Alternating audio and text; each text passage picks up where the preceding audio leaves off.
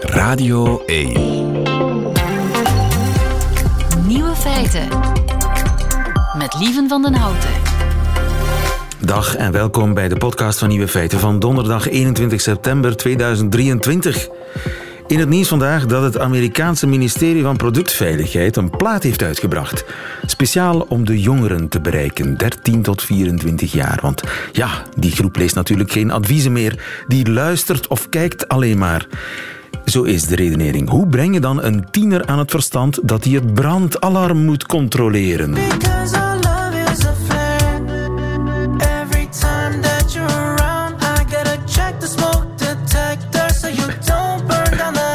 Ja, onze liefde is een vlam, dus iedere keer wanneer je komt, check ik het brandalarm, zodat het huis niet afbrandt. Prachtig. Maar ook smartphones zijn een gevaar voor de jeugd natuurlijk. Ieder jaar belanden er meer dan 5000 jongeren op de spoed in Amerika omdat ze afgeleid werden door hun telefoon en niet op hun omgeving letten. En daarom, put your phone away.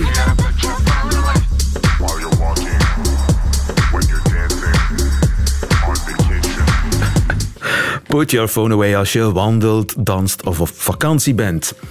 En raad eens wat je doet als je fietst. I got on a sick fit. Just one more accessory. Let me pick the helmet that I tie it all together, please. When you're in the streets, take caution. Ja, laat de Vlaamse versie hiervan snel komen. De andere nieuwe feiten vandaag. De harde G is pas in de 19e eeuw in het Nederlands geslopen. Minder bekend dan de postnatale depressie is de postnatale psychose. Julie Delru maakt er een toneelstuk over. En Rika Ponet beantwoordt de vraag van een grootvader die twijfels heeft over zijn vaderschap.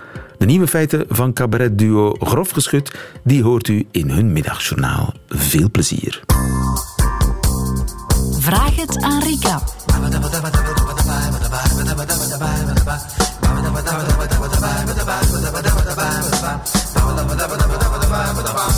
Post voor Rika. Rika Ponet, de relatiedeskundige. Post van Christian. Goedemiddag. Goedemiddag, lieven. Christian schrijft jou. Ik ben gescheiden. In een periode dat het woord vechtscheiding nog moest worden uitgevonden. Toch was het er een. In regel. Schrijft Christian. Fysisch, maar vooral psychisch. We zijn allebei met pensioen en de littekens blijven. Het gevecht van toen is nu een koude oorlog. Heel pijnlijk. Elk gesprek is onmogelijk botst op een muur met daarbovenop glasscherven. Dat is plastisch. Ja, Christian. Op bijeenkomsten, feestjes met kinderen en kleinkinderen voel ik me niet eens het vijfde wiel aan de wagen. Dat is namelijk nog van enig nut. Ik ben er lucht. Mijn ex en partner vullen de kamer. Ik zit in een hoekje, soms ook letterlijk. Vaak maak ik mij de bedenking: blijf daar weg. Je ziet er tegenop en je komt ongelukkig thuis. Vaak kom ik als laatste aan en vertrek ik als eerste. Nou, ik heb een voor mij bevredigende relatie met al de kinderen en kleinkinderen. Ik hou van hen allemaal en van elk van hen. Eén voor één. Ook de schoonkinderen draag ik een warm hart toe. Maar nu komt het.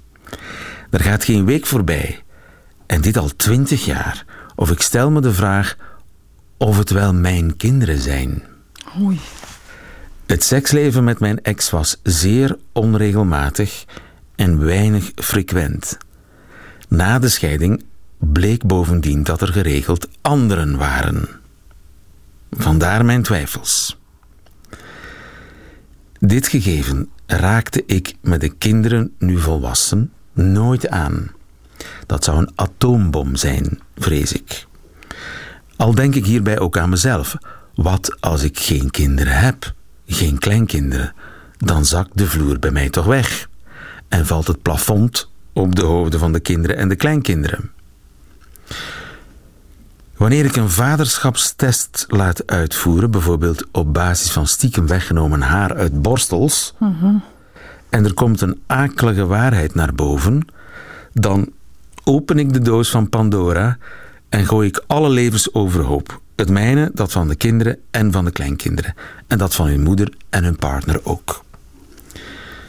Aan de andere kant hebben zij recht op de waarheid, net als ik. Ik leef al jaren met dit dilemma. Wat doe ik? Christian. Wat een brief. Jeetje. Dit is zo erg. Ja, zo pijnlijk ook. En zo gecompliceerd. Ik ga daar ook geen antwoord op geven hoor, lieven. Eh, doe dit of doe dit niet. Nu, die testen, ik hoor dat ook wel vaker. Die zijn vandaag heel makkelijk te doen en vrij voorhanden. Je kan dat 1, 2, 3 doen. En ik Met een plukje haar uit een borstel genomen. ja.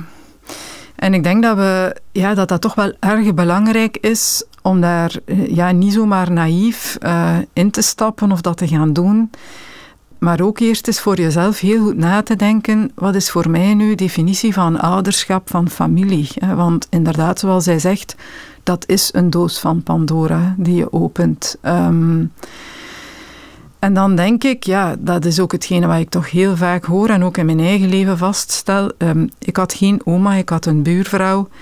Eh, nu, ik wist dat dat mijn oma niet was, voor alle duidelijkheid. Ehm, maar dat is echt mijn oma geweest. Hè. Dat is, ik heb daar fantastische herinneringen aan. En dat is een, eh, ja, dat is van, mijn, eh, de, een van de belangrijkste mensen in mijn leven geweest.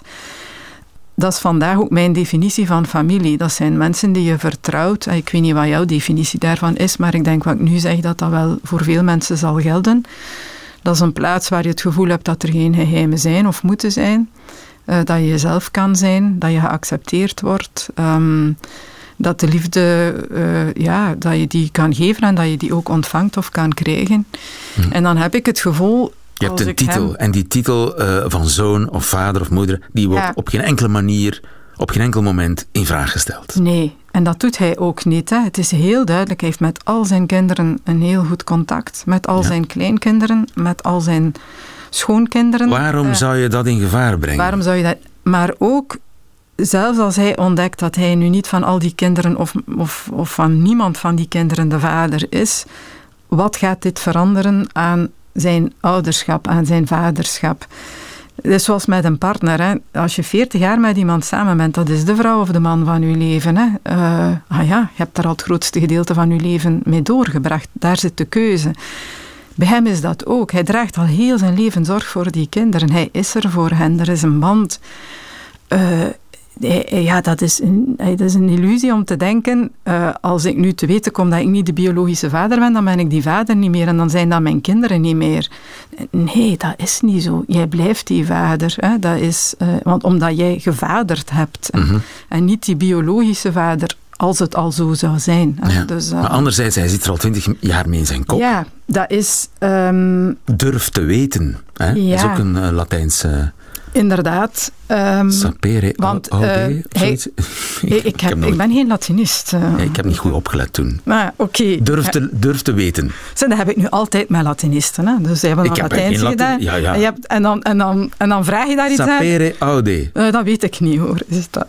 Ja, enfin, whatever. enfin, eh, ehm, de brieven komen wel. Ja, Durf, moet hij niet durven weten? Ehm, ja de, nog eens de vraag is, als je dit weet, ja, één, hij heeft dan nog de mogelijkheid om het voor zichzelf te houden of het te delen. Hè? Ehm, want dat is dan nog een stap verder. Hè? Eén, als ik het weet, ga ik het delen. En als ik het weet, eh, ja, wat, wat, eh, wat ga ik daar dan mee doen voor mezelf? Hè? Vind ik dat, gaat mij dat ergens brengen? Hè? Is dat iets waar ik gelukkiger ga van worden door dat te weten? Eh, het dilemma, de twijfel, de vroeging zal uit zijn kop zitten. Hij zal het kwijt zijn, hij zal, hij zal iets weten. En daarna kan hij daar eerst iets op tafel dat- leggen en ja. dan zien wat ik ermee doe. Maar nu is er, ligt er een groot vraagteken op tafel. Ja, een tweede mogelijkheid om met twijfel om te gaan is een keuze maken. hè. En, dat is eigenlijk ook de wijze waarop alle generaties voor ons het hebben moeten doen. Want eh, ja, laten we ons geen illusie maken. Dat eh, ja, moederschap, dat is duidelijk. Eh, een moeder kan je niet logenen. Wie je vader is, dat weet je nooit met zekerheid. Of een man weet ook nooit met zekerheid dat hij vader is. Eh, vorige generatie, zo gingen zij Soms daarmee zien. Soms, ja. Soms kun je het Dat zien. de melkboer of de facteur gepasseerd is. Is het dat? Ja. Dat je- Of, soms kun je echt zien dat iemand dat je echte vader is. Ah, ja, Dat ja, zo, ook, ja, absoluut. Ja, ja, dat zeker. Ja, dan denk ik, eh, je kan ook ervoor kiezen van ik, ik, ik kies ervoor, ik ben hun vader en zo leef ik er ook naar. En ik probeer dat vanaf nu als, als mijn verhaal mee te dragen en, en die biologische component die beschouw ik als irrelevant. Als irrelevant, ja. Nu, wat ik daar ook bij heb als gevoel, en dat vind ik een tweede heel belangrijk gegeven. ehm, ook als eh, mensen twijfelen aan het feit of hun ouders hun ouders zijn, en je hoort dat wel eens, hè, dat mensen zeggen van, ja, ik, ik, ik heb me nooit thuis gevoeld in mijn gezin van oorsprong, of ik heb altijd, ook al is een vader een vader, van, ja, ik heb niet het gevoel dat, kind van mijn, dat ik het kind van mijn vader ben. Dan gaat dat eigenlijk over een gevoel van vervreemding dat je hebt binnen, eh, binnen een familie. En dat is iets wat hier heel sterk aanwezig is. En waar ik mij ook de vraag bij stel, gaat dit nu echt over ik twijfel aan mijn vaderschap of gaat dat over ik heb eigenlijk bijna al heel mijn leven het gevoel dat ik er niet bij hoor. En hij omschrijft dat heel mooi. Hè. Ik, ik, eh, op feesten zit ik in de hoek op een stoeltje.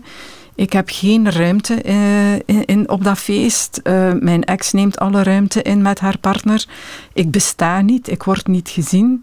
Ehm, En hij wil het bewijs dat hij er wel bij dat hoort. hij daar wel bij hoort. Of hij eh, associeert dat gevoel van vervreemding met misschien hoor ik er effectief niet bij. Hè? En ben ik hier inderdaad niet de vader van. En dan heeft hij ook een bewijs dat hij er ja, niet bij dat hoort. hij er niet bij hoort. Ik denk een eerste belangrijke stap alvorens zo'n test te doen lijkt mij, hè, dat zou ik doen, neem eens je plaats in als vader hè, en als grootvader. Je doet dat eigenlijk tot op vandaag niet. Waarom trek je je terug? Hè? Hij komt als laatste toe, hij gaat als eerste weg. Waarom doe je dat? Eh, je hebt een goed contact met je kinderen, je hebt een goed contact met je schoonkinderen, met je kleinkinderen. Ehm, toon dat ook. Hè. Durf daar aanwezig te zijn. Waarom zou je je kleiner moeten maken? Want je kan wel zeggen van mijn vrouw neemt alle ruimte in. Of mijn ex-vrouw neemt alle ruimte in. Dat is ook omdat je haar al die ruimte geeft. Dat is omdat jij je terugtrekt op dat krukje in de hoek van de kamer en onzichtbaar bent. Hè. Ehm, En, als hij dan die, die plaats inneemt, als hij eh, daarin Ja, zou slagen, zou dan dat verlangen dat kan zijn dat dat verlangen een stukje gaat liggen. Ehm, naar dat bewijs. naar dat bewijs. stuk. Ja, omdat je het gevoel hebt, ik hoor hierbij. Ik ben de vader, ik ben de grootvader, ik ben de schoonvader. Ehm, wat een heel ander gevoel is dan datgene wat hij nu tot, eh, tot uiting brengt.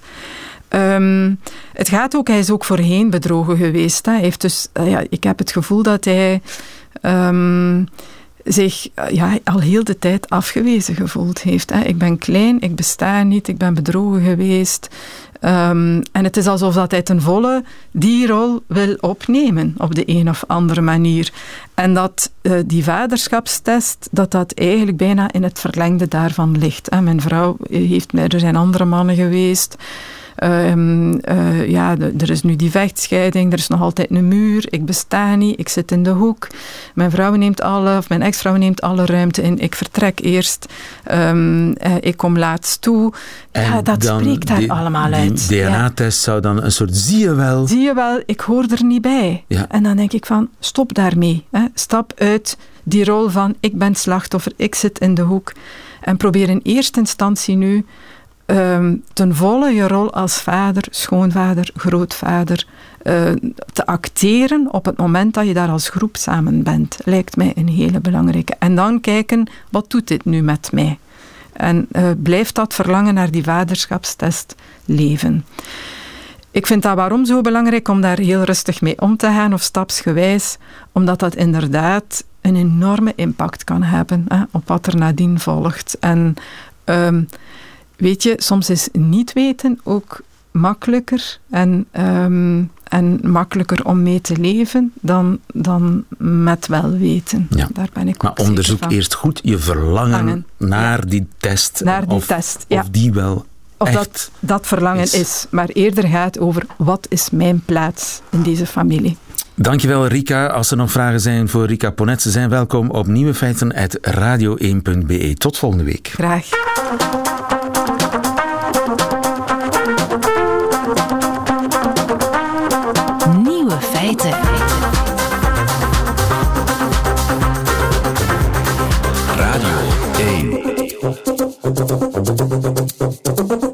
Welke G was er het eerst in onze taal, in het Nederlands? De harde of de zachte? De G of de G? Deze en andere vragen over de G beantwoordt taalkundige Mark van Oostendorp vanavond in een speciale webinar. Goedemiddag, Mark van Oostendorp. Goedemiddag. Ik hoor je zeggen goedemiddag. Ja, dat deed ik ook wel een beetje expres. ja. Eh, ik ben al heel erg lang gefascineerd door dat verschil tussen eh, die harde en die zachte G. En mensen vragen me soms hoe dat komt. En eh, laten we zeggen, de autobiografische verklaring is dat ik ben geboren en de eerste paar jaar van mijn leven heb doorgebracht in harde G-gebied, eh, namelijk in Rotterdam. En daarna ben verhuisd naar zachte G-gebied, namelijk eh, eh, Noord-Brabant, Nederlands-Brabant. En eh, dat, ja, dus toen, ik werd meteen al in mijn vroege jeugd geconfronteerd met het enorme belang van dat verschil. Ja, want in Dus Brabant had hechten ze al- daar heel zwaar aan, hè? En hun zachte G. Ja, je zou zelfs kunnen zeggen dus dat Noord-Brabant, die provincie Noord-Brabant, dat is dé plek waar daar het meest aan wordt gehecht. Dat is een van de dingen die ik ooit heb onderzocht. Dus in, in die provincie vind je ja, eh, allemaal cafés waar ze dan, eh, ik zal maar zeggen, appeltaart verkopen met een zachte G. Eh, Letterlijk. Ze, ze afficheren die taart met een die- zachte G. ja, ja, terwijl er dan niet eens een G in zit. Laat staan een zachte. Eh, en dat vind je verder eigenlijk niet. Hè? Ja? Dus, eh, Oké. En ik denk dat dat een beetje komt omdat dat Noord-Brabants. Ja, dat lijkt wel in heel veel opzichten eh, inmiddels op de taal van de Randstad. Afgezien van die zachte G. En misschien het woord houdoe, ter, wat ze ter goed eh, zeggen.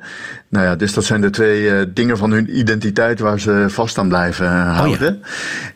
En dus leeft het daar heel erg. Dus de Brabanders identificeren zich met hun zachte G. Ehm, En ook in Vlaanderen is de harde G nergens te bespeuren. Ze is bijna verboden, denk ik. Nee. Nee, nee, nee. Nee, dus ik denk inderdaad dat ik door daarnet zo eh, goedemiddag te zeggen... eh, misschien al mensen heb eh, afgeschrikt. Want het wordt geïdentificeerd met Amsterdam, met de Randstad. Ja, en dat is wat Nederland betreft e- eigenlijk niet helemaal terecht. Dus het komt, ik denk dat het wel komt uit die regio en misschien zelfs wel specifiek uit Amsterdam. Maar in Nederland is wel het grootste deel van boven de grote rivieren eh, inmiddels en ook al wel heel lang harde G-gebied. Dus ook de dialecten van ja, Groningen of zo, dat, daar- ook daar spreekt men met een harde G. Dus de, de harde G heeft, ik, zeg, ik zeg, begin nu zelf ook al, het is besmettelijk. Ja, ja. Die is eigenlijk aan een opmars Ja. begonnen vanuit Amsterdam. De- vermoedelijk. Dus hij is in ieder geval aan, eh, aan een opmars begonnen. En dat is, moet al enige tijd geleden zijn. Ik denk dat het het meest waarschijnlijk is eigenlijk om te denken dat dat iets is wat in de 19e eeuw is eh, gebeurd.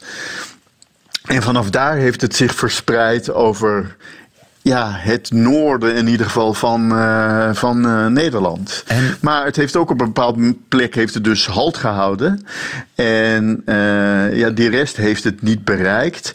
En ik, ik denk ook niet dat je kan zeggen dat die opmars nu nog heel veel verder voert. Dus je moet echt wel contacten hebben met het noorden om zo'n harde G te Ja, gebruiken. ja. Maar van waar haar succes? Nou, ik denk dat dat succes, zoals eigenlijk altijd bij taal, als je zo'n soort iets, een nieuwigheid krijgt, hè, en dat is heel belangrijk om dat te beseffen. Dus het is de harde G die nieuw is, en de zachte G is de oorspronkelijke. Dus ook in Amsterdam hadden ze 200 en zeker 400 jaar geleden nog een zachte eh, G. Maar ja, als iets gebeurt in de stad, als iets gebeurt in de grote stad, dan verspreidt zich dat heel vaak over het, over het land. Hè. Dus heel veel dingen die nu standaard Nederlands zijn, die komen uit Holland, hè, uit, uit Amsterdam of soms uit Den Haag. Zoals bij jullie, eh, tussentaal. Ja, tussentaal is heel erg Antwerps. Waarom? Ja, dat, omdat dat een grote stad is. Ja, ja. En eh, op een gegeven moment is ook gestopt. Die harde G is aan een grens gestopt. Waar zou dat mee te maken kunnen hebben dat het net daar gestopt is? Ja, het, het aardige is dat. ehm, eh, het is dus, we associëren het tegenwoordig altijd met het zuiden, met Brabant, met Limburg eh, in Nederland. En natuurlijk dus met Vlaanderen. Maar ehm, het is in Nederland, traditioneel zit het in Nederlands ook nog elders. Bijvoorbeeld het gebied Twente, dat toch een behoorlijk eind eh, ver weg ligt. Of eh, de regio Nijmegen. Dat zijn ook eh, zachte Zachte G-gebieden. En er wordt gezegd, ja, dat is geen toeval dat dat ook de katholieke gebieden zijn Oh. in Nederland. En dan is daar misschien het praten gestopt. Kijk, één, één, dit is puur speculatie en een hypothese, maar des te leuker misschien wel. Eén, iets wat je je kunt voorstellen is dat dominees, die, moesten, die studeerden allemaal. En die studeerden dus in steden en over, over het algemeen in Holland. En hebben dat, namen dan vervolgens na hun studie, bijvoorbeeld die harde G, mee naar elders. Oké, dus de harde En, G is protestants, de zachte G is katholiek. Ja, dat, dat is, misschien is dat van oorsprong eh, in ieder geval zo geweest. Inmiddels hebben eh, ja, ook eh, Vlaamse protestanten of atheïsten natuurlijk ook een, niet Juist. opeens een harde. Nee, niet zo jawel. Door, door niet meer in de paus te geloven opeens een keiharde G krijgt. Mark Ja, van? Oostendorp, ik ken bepaalde eilanden. Tegen de taalgrens aan, zelfs in het zuiden van Oost-Vlaanderen, heb je een. Wij noemden dat, want ik kom uit die streek. Wij noemden dat de, de Geuzenhoek. Dat is een dorpje waar Aha. mensen protestant zijn gebleven. Of de- door de eeuwen heen protestant zijn. En daar praten ze toch een klein beetje met een harde G. Heel, Ja, dat, nee, dat dan, mag dan daar. is het inderdaad. Dan, dan eh, is het alleen maar de Heilige Vader die ons kan afhouden van. Ik denk eh, dat we dat als een, als een eh, hypothese kunnen accepteren en dat daar meer dan één doctoraat in zit, Mark van Oostendorp.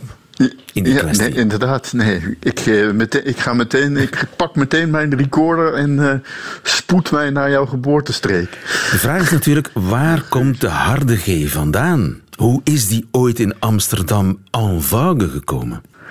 Ja, dat is een misschien nog wel moeilijker vraag. Dus dat geldt bijna voor alle veranderingen. Wie is daar ooit mee begonnen? Ehm, ook daar heb ik dus alleen maar een hypothese voor. Maar die hypothese is dat eh, Amsterdam in die 19e eeuw, eh, in het centrum, eh, een, een heel belangrijke Joodse groep had. Die bovendien in die eeuw ehm, geen Jiddisch meer mochten praten van de overheid. En dus naar het Nederlands overgi- overgingen. Maar precies het Jiddisch heeft ook zo'n harde G. Juist, Dus ja. in plaats van ik zeg je in het Jiddisch ich. Ich. En niet zoals in het Duits bijvoorbeeld ich, maar ich. Juist. En ehm, dus dat zou, het zou daar vandaan hebben kunnen komen. Ook dat ieder is een het doctoraat. meest plausibele verhaal dat ik ken. Ook dat is een doctoraat. Eh, ik moet daarbij zeggen, ik weet ook dat ook in de 19e eeuw werden Nederlandse Joden soms belachelijk gemaakt door bijvoorbeeld Duitse Joden, omdat ze zo'n harde G hadden. Dus hoe dat nou precies zat, dat valt inderdaad. Misschien zijn het wel twee doctoraten. Ja, ja dat, die, die kwestie is nog niet helemaal eh, uitgevlooid. Maar vanavond heb je dus je, je webinar over een eh, heet hangijzer in Nederland. De zachte of de, de harde G. Zeg eens grensoverschrijdend gedrag, Mark. Gr- grensoverschrijdend gedrag. Grensoverschrijdend gedrag. Vinden jullie dat mooi? Kijk, nee, dat is ook nog wel een belangrijk punt. Dus is dat mooi? Ehm, kijk, als je twee, als je, als je een Chinees neemt die nog nooit enig contact heeft gehad met de westerse wereld, zullen we maar zeggen, en die laat je luisteren naar, naar een paar opnames van verschillende mensen uit verschillende regio's die Nederlands spreken, dan ja, over de meeste dingen zal die niet kunnen zeggen dit is mooier of niet. Maar iets wat achter in de mond wordt gezegd, vinden de meeste mensen op de hele wereld lelijker dan iets wat voor in de mond wordt gezegd. En die harde G, dat is het verschil tussen een harde G en een zachte G, is precies waar je maakt. Dus een harde G maak ik achter in mijn mond met mijn tong omhoog ergens Het- achter mijn tong. klinkt een beetje agressief, hè? ja, eh, ja, dus daardoor is hij letterlijk wat luider, is echt harder, Ja. omdat je je hele mondholte als een soort klankkast hebt. Juist, ja. Terwijl een zachte G, dan doe je de voorkant van je tong omhoog en dan heb je dus een kleinere klankkast. Ja, maar jij bent dus zo te horen BG. Ja, precies. Ik ben geen neutraal. Geen taal. Maar het, is, het klinkt harder, het klinkt agressiever en daarom is het ook af en toe handig. Hè? Ik bedoel, als je dat wil benadrukken, hoe arrogant iets is, dat kun je dan wel lekker doen met die harde G. Dat is zo. En het is, eh, kijk, de, dus er zijn talen die hebben alleen maar een harde G, er zijn talen die hebben alleen maar een zachte G, hè, dus waar alle sprekers een zachte G hebben. Er zijn talen waar alle sprekers een harde G hebben. Eh, er wordt gezegd dat het Spaans een taal is waar je ook zo'n soort verdeling hebt. Waar je in het noorden, uit mijn hoofd gezegd, een zachte G hebt. Dus het is andersom verdeeld. En in het zuiden een hardere G. Ehm, maar verder, ja, Duits is natuurlijk ook een voorbeeld. In het Duits hebben ze ze allebei. Hè. Ze zeggen ich met een zachte G en ach met een harde G. Ehm, dus ja, het is, ja, ik weet niet. Het is, als ik mijn leven ergens aan wil besteden, is het denk ik aan de G. Ja, en dat begint vanavond, dat nieuwe leven van eh, Mark van Oostendorp, in eh, zijn webinar, die iedereen natuurlijk kan volgen. We zetten een link op onze website. Dankjewel en nog een fijne dag, Mark van Oostendorp. Dag. Radio 1.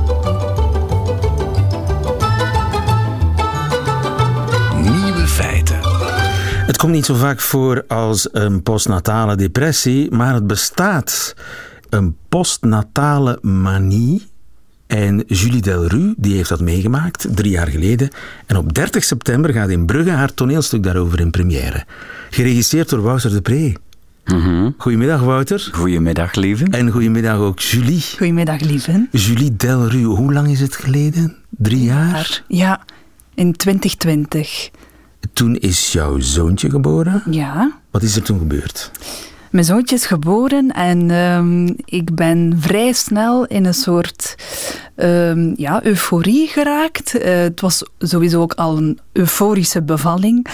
Een Ehm, euforische bevalling bestaat dat? Ja, ja, ik kan er u alles over vertellen. Ik, ik dacht dat dat eh, weeën waren en lijden en hard brullen en schreeuwen en heel veel pijn. Ik had niet door dat dat weeën waren. Voor mij waren dat buikkrampen.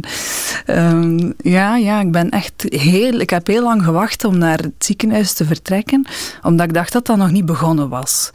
En uiteindelijk ehm, ben ik ook zonder verdoving of eh, ben ik gewoon op een natuurlijke manier bevallen.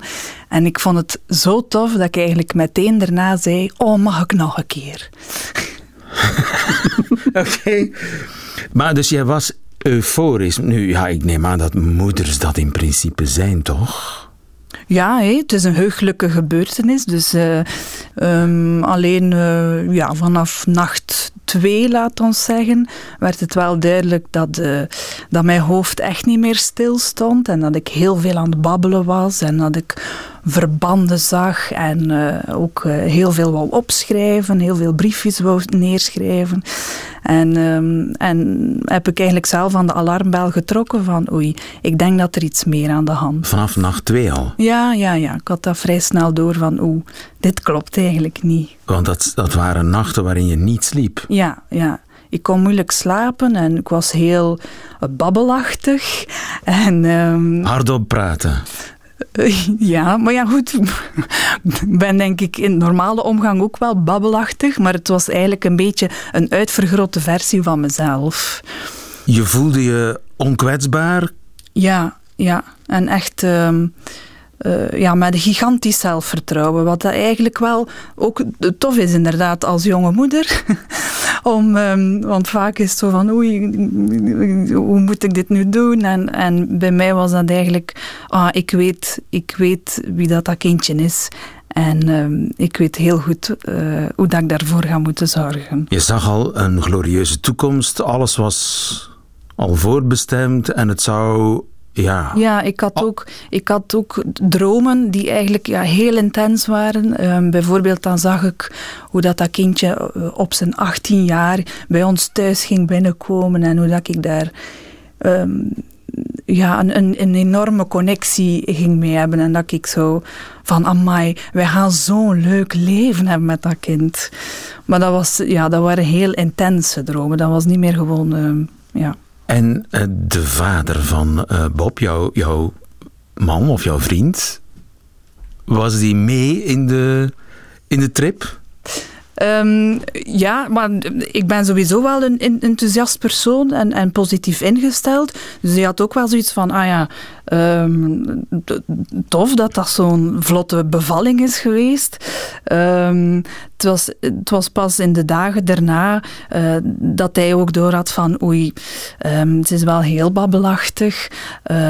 Ze, is, ja, ze zegt dat ze gaat slapen, maar vijf minuten later staat ze weer recht en zegt, oh, heerlijk uitgeslapen. Eh, dus er waren wel vrij snel tekenen van oei, er moet hier iets gebeuren, er moet ingegrepen worden. En wat heb je toen gedaan? Ehm, in eerste instantie eh, na een week, eh, ik was een week thuis en dan ben ik opgenomen op het spoed. Omdat als, als je hoofd eh, maar blijft verder gaan ehm, en je kunt niet slapen, maar dat lichaam wil wel slapen, dan komen er eigenlijk heel veel tics. En ik had op een gegeven moment was ik eigenlijk al, had ik alleen maar tics. En het enige dat nog overbleef waren eh, liedjes dat ik zong en mopjes dat ik vertelde. Ehm, En intussen had het kind honger. en intussen had het kind honger en was ook de borstvoeding, de, de borstvoeding was eigenlijk stilgevallen. Eh, dus er waren verschillende tekenen van, eh, oei, het lichaam zegt eigenlijk, oh, zij moet En dus slapen. meteen naar de spoed. Naar spoed en dan heb ik daar slaapmedicatie gekregen om eens een goede nacht door te slapen. Ehm, en dan hebben ze eigenlijk ook gezegd van, oké, het, het, het is een eh, hypomanie eh, waar je in zit. En uiteindelijk ben ik opgenomen in de psychiatrie. En dan ben ik daar drie weken eh, ja, moeten blijven. Zonder kind. Eh, het kindje kwam gelukkig ehm, elke dag op bezoek. Eh, dat hadden zij ook geregeld, dat er eh, elke dag iemand toch eens met hem kon komen, zodanig dat die connectie ook kon blijven hè, tussen moeder en kind. Dat is heel belangrijk. Dus iedere dag kon hij eventjes op mij liggen, ook al had ik het geduld niet om hem een flesje te geven. Ehm, maar hij is wel elke dag bij mij geweest, gelukkig.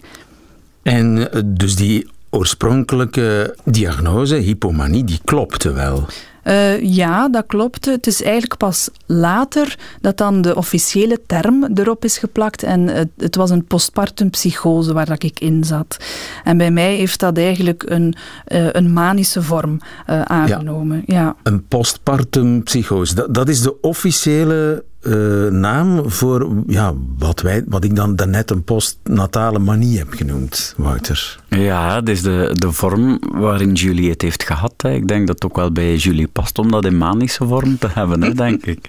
Misschien wordt op dat moment uitvergroot wat van nature dichtste, dichtste bij jou ligt, ik weet het niet. Ja. Ja. Want hoe hebben jullie elkaar leren kennen? Dat is een goede vraag. Ik denk zo, eh, toevallig en eh, in, in de omgang. Ik heb, eh, eh, ik denk, we hebben elkaar tijdens corona gezien bij de opname van, van een luisterspel. ja. En, ehm, en toen zijn we aan het praten geweest. En jij hoorde dan dat Julie zo'n manie heeft gehad. Nee, ik wist dat helemaal niet. Ik, ik denk dat je nog, nog... Zat jij nog met de naweeën daarvan toen? Ik zat nog onder de medicatie op dat Ja, moment. Ja. ja. En je Eh, had het niet door, hè? Nee. nee. Ehm, Maar wanneer is dan bij jou het idee gekomen, ik maak er een voorstelling van, of was de- het idee? omgekeerd, Ja, ja. ja, Julie- Ja, ik heb een mailtje gestuurd naar Wouter van ik zit met een verhaal, ik heb eh, iets meegemaakt en ehm, ik zoek eigenlijk iemand die samen met mij wat door dat materiaal wil gaan en wil zoeken van oei, kan dat een voorstelling worden of een boek of een podcast. En, en waarom wou je daar een voorstelling van maken? Omdat ik eh, tijdens mijn psychose had ik ook al het idee, ik maak hier een voorstelling Het was een over. onderdeel van je ziekte. Ik was al bezig met, met de voorstelling te Het was maken. een van jouw waanideeën. Ja, en die is nu realiteit geworden. Ehm, nee, maar, Is dat eh, genezend? Ja, dat Helpt jou wel, dat eh, uit om, om daarvan te bekomen? Zo'n Ehm, voorstelling maken? Het doet vooral deugd om, om eh, nog eens door dat verhaal te gaan met iemand.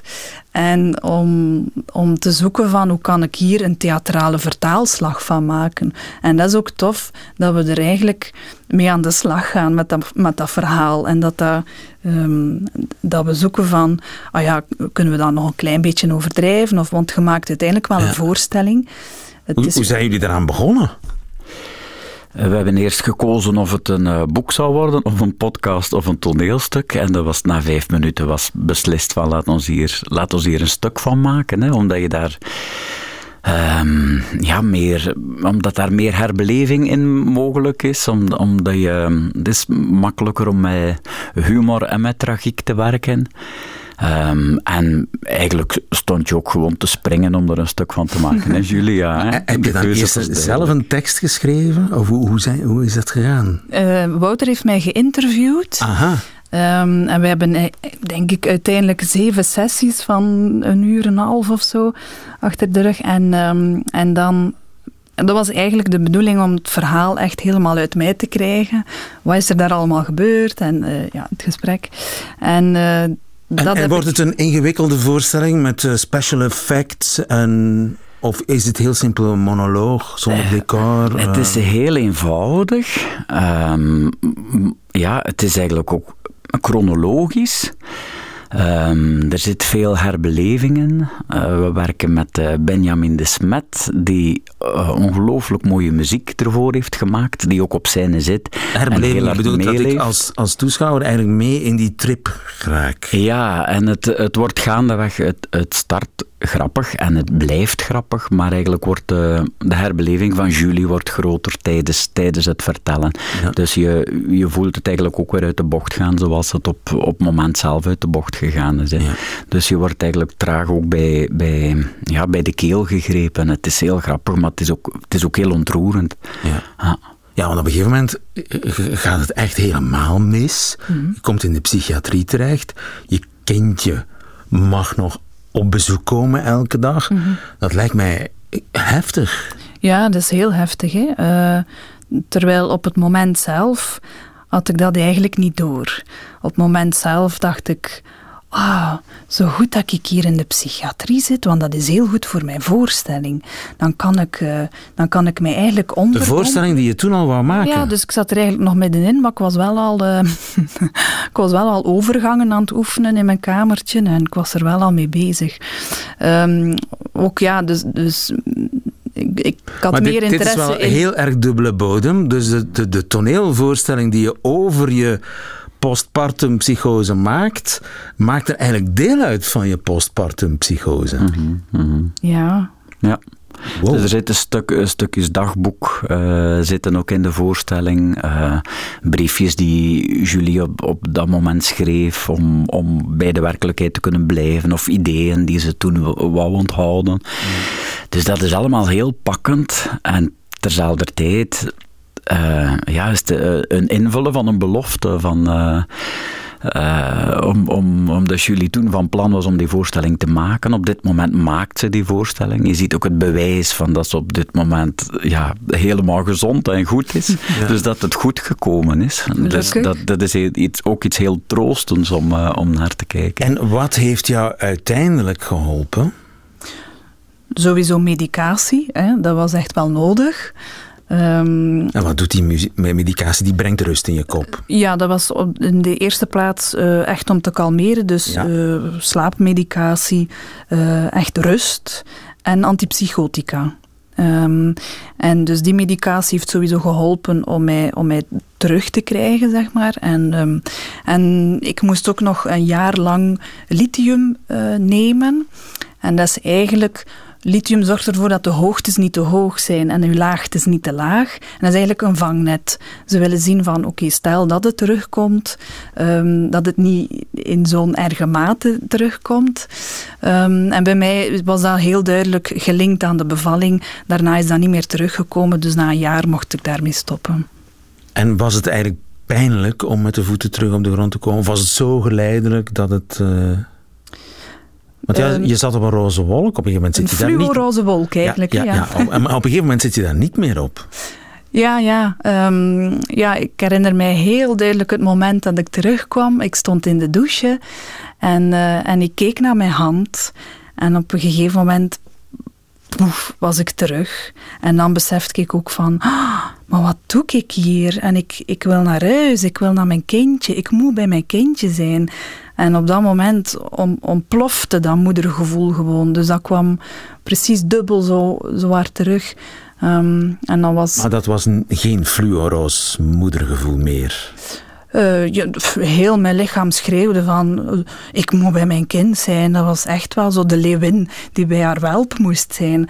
Ehm, en dat is uiteindelijk ook de beste medicatie gebleken ehm, om, om terug naar huis te gaan en om bij... Dus na drie weken mocht je eigenlijk al terug naar huis. Ja, dus pak na een maand was ik thuis. Ehm, ik kwam thuis en mijn zoontje werd op mij gelegd en hij viel direct in slaap. Dus het was alsof dat ik nooit was weg geweest. Prachtig. En die voorstelling, wil je dat ook maken omdat er zo weinig geweten is over Ja, het is echt. eh, ik, ik had zelf nog nooit van postpartum psychose gehoord. Ik Ik, hoor van veel mensen van ik, ik ken dat niet. En ik was zelf echt op zoek naar informatie. Daarna, als ik dat had meegemaakt van wat is er gebeurd, Ehm, wat is er met mij gebeurd, hoe, hoe komt dat, wat, wat, wat, wat is er in mijn hersenen gebeurd. En ik, ik vond zo weinig informatie. Ehm, dus ja, ik, ik zou graag hebben met de voorstelling dat mensen weten dat het bestaat en ook zorgverleners, ehm, gynaecologen, vroedvrouwen, ook onder de professionele hulpverleners is het echt nog weinig gekend. Ehm, en het is wel belangrijk dat ze weten dat dat bestaat, omdat het heel snel heel erg kan zijn.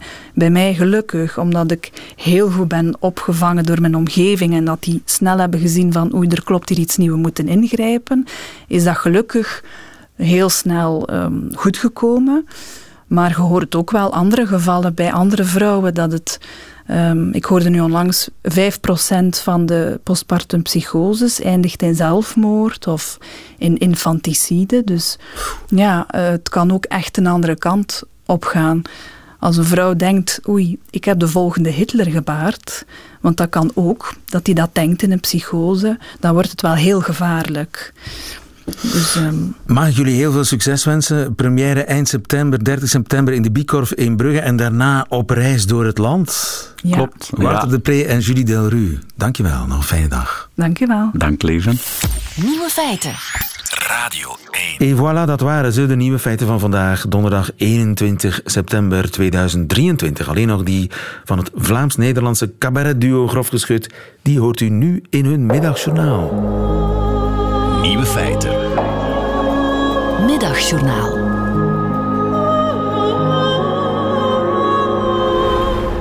Beste luisteraar, mijn bomma zit sinds een aantal maanden in een woonzorgcentrum.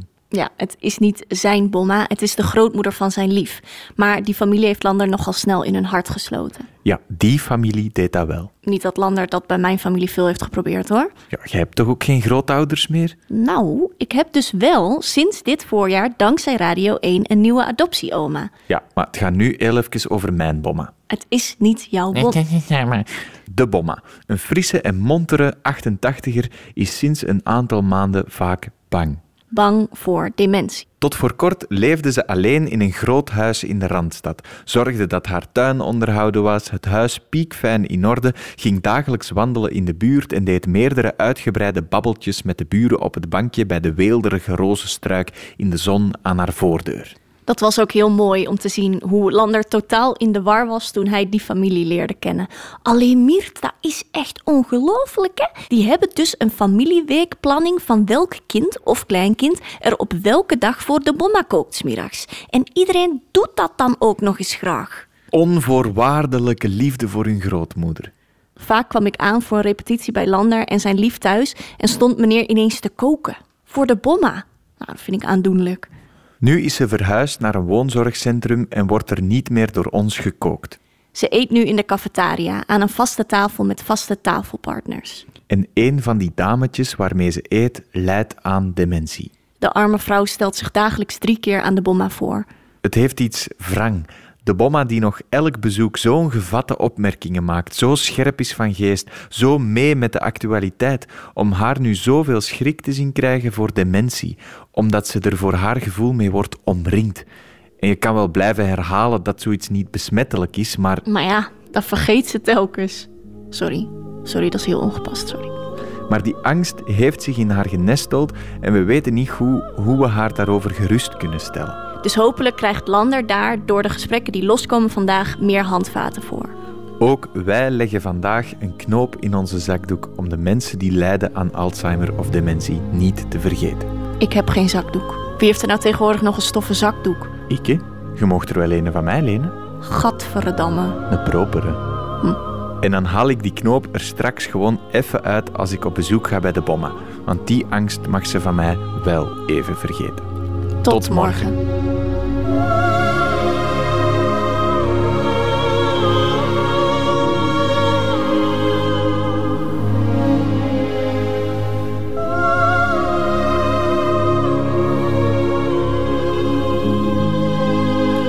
Lander en Mirte van Grof Geschuten 1, het middagjournaal. Einde van deze podcast. Hoort u liever de volledige nieuwe feiten met de muziek? Dat kan natuurlijk elke werkdag live tussen 12 en 1 op Radio 1 of on demand via de Radio 1 website of app. Tot een volgende keer.